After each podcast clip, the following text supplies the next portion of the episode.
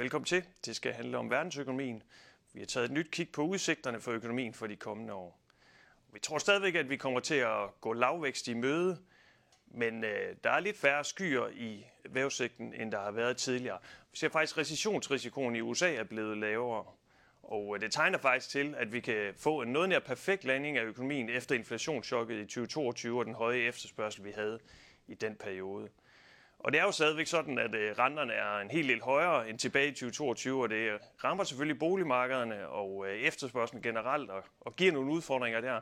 Men verdensøkonomien har været meget modstandsdygtig over for det her, og arbejdsmarkedet er jo ikke knækket i øh, 2023. Og det lader faktisk til, at centralbanker har doseret renteforholdelserne lige præcis så meget, at vi kan få inflationen ned, uden at det knækker økonomien. Og det giver jo altså forhåbning om, at vi kan få ja, en perfekt blød landing, hvor øh, man kan begynde at sætte renterne en lille smule ned, samtidig med at man så holder øje med, at inflationen ikke stikker af igen. Det kan godt være, at vi ikke kommer udenom, at arbejdsmarkederne kommer til at stå for en lille tilpasning, og vi vil se virksomheder i USA og Europa skære lidt i medarbejderstaten. Men vi øh, ser ikke en dyb krise foran os. Det vil læse meget mere om i øh, vores nye prognose, som er vedhæftet her. Ha' en fortsat god dag.